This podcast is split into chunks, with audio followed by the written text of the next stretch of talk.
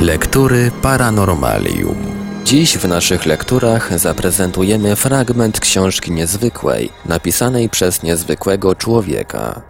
Moje widzenie świata ojca Andrzeja Czesława Klimuszki, polskiego kapłana, franciszkanina, wizjonera, jasnowidza, medium i zielarza. Książkę tę na naszej antenie prezentujemy w odcinkach w całości. Indywidualne reakcje psychiczne. Wspomnieliśmy, że wszelkie przeżycia realne, jak również powstałe w naszej podświadomości, odżywają nieraz po wielu latach na nowo w naszej jaźni podczas snu, tylko w innej formie, w innym wymiarze i układzie, na innej płaszczyźnie. Nie pójdę dziś z wami na wycieczkę, powiedział Ryszard swoim kolegom. A to niby dlaczego? Zapytali. Bo boję się rozchorować. Śniły mi się dzisiejszej nocy zgniłe ryby, a taki sen u mnie zapowiada chorobę. Ach tak, to ci się śniło, wyczytałeś sennika egipskiego, babski argument. Zadrwili z niego koledzy.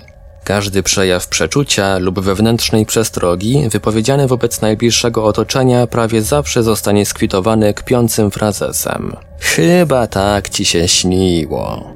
Przyjęło się wszelką rzeczywistość trudną do zrozumienia nazywać niedorzecznością, co należy uznać za największą niedorzeczność. Dla każdego wizja senna wiąże się z jakąś subiektywną rzeczywistością. W wymienionym przypadku zgniłe ryby dla Ryszarda były zapowiedzią choroby. Musiał on prawdopodobnie w latach jeszcze dziecięcych, kiedy zakres jego wrażeń był mały, doznać jakiegoś szoku, urazu na widok zgniłej ryby, albo się jej przestraszył, gdy się rzucała na stole, jak to zwykle robi karp, albo zjadł rybę nieświeżą, co mu zaszkodziło. Jakiś uraz na tle ryby pozostał w jego podświadomości. Dlatego zgniła ryba dla Ryszarda była symbolem zbliżającej się choroby. Rzeczywiście, Ryszard w tym dniu, kiedy odmówił swego udziału w wycieczce, zachorował po południu na zapalenie wyrostka robaczkowego.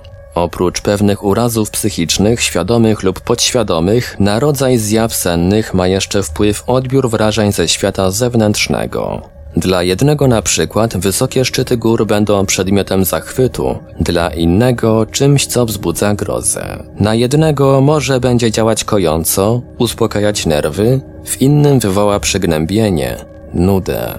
Każda ludzka jednostka reaguje indywidualnie. Stąd też odbiór zjaw sennych u poszczególnych ludzi jest różny.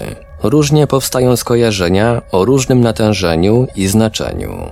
Z doświadczenia wiemy, że sny najczęściej są bardzo dziwaczne, niedorzeczne, bez żadnego sensu i logicznego powiązania, wręcz fantastyczne. Czy należy się temu dziwić? A czyż w nas na każdym prawie kroku nie przewalają się jak tabuny dzikich koni na stepie przeróżne myśli, tak niedorzeczne, sprzeczne ze sobą, dziwaczne, takie wyobrażenia, zachcianki, które gdybyśmy mogli zmaterializować, uchwycić na klisze i spojrzeć na nie trzeźwo, wywołałyby zażenowanie.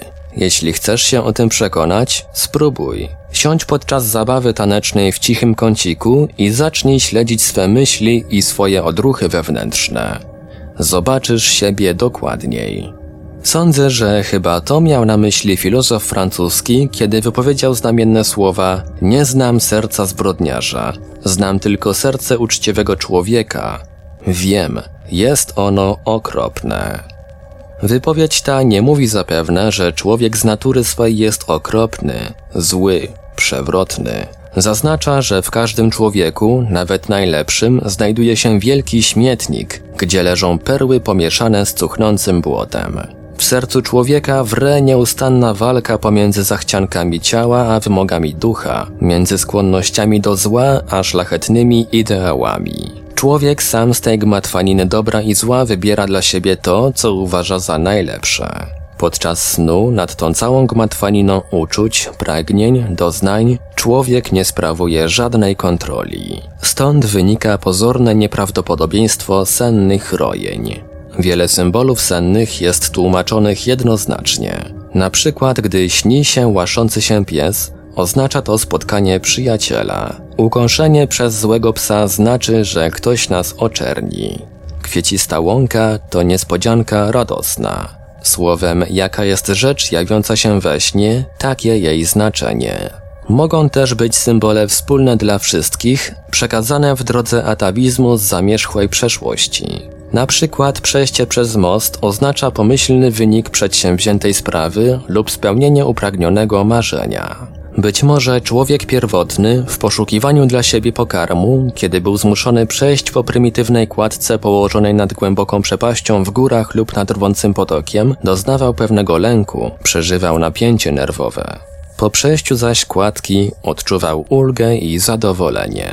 I te przeżycia prawdopodobnie utrwaliły się w psychice ludzkiej i przeszły na następne pokolenia. Dlatego w snach most jest symbolem pomyślności. Podłoże parapsychiczne. W związku z tragiczną śmiercią Juliusza Cezara w Senacie, historia starożytna podaje takie zdarzenie. Augur Calpurnius przestrzega Juliusza Cezara przed niebezpiecznym dla niego dniem przypadającym na 15 marca. W krytyczny dzień Augur zabiega drogę Cezarowi i nakłania go usilnie, aby dziś nie szedł do Senatu. Przecież dziś jest 15 marca, a mnie dotąd nic złego się nie stało, rzecze Cezar. Tak, ale dzień dzisiejszy jeszcze nie minął, odpowiedział Calpurnius.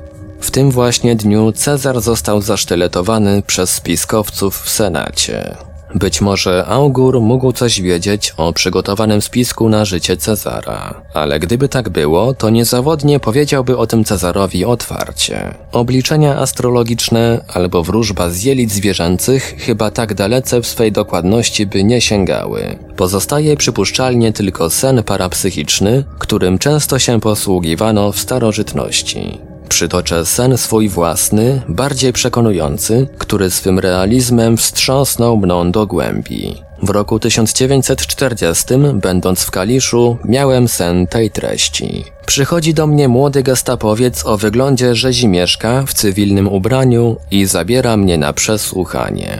Idąc z nim na posterunek gestapo, zastanawiam się, a może wymierzyć cios w nos gestapowca i samemu uciec w boczną uliczkę. Powstrzymuje mnie obawa, że jeżeli cios chybi albo okaże się za słaby, niechybnie zginę od kuli. W pokoju gestapo widzę długi stół bez nakrycia, a przy nim czterech umundurowanych gestapowców.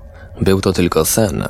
Wkrótce jednak przemienił się w realną rzeczywistość. Około godziny 11 przyszedł rzeczywiście gestapowiec, widziany we śnie, i zabrał mnie ze sobą na przesłuchanie w gestapo. Po drodze faktycznie zastanawiałem się, jak uciec. Czy nie grzmotnąć go pięścią w łeb?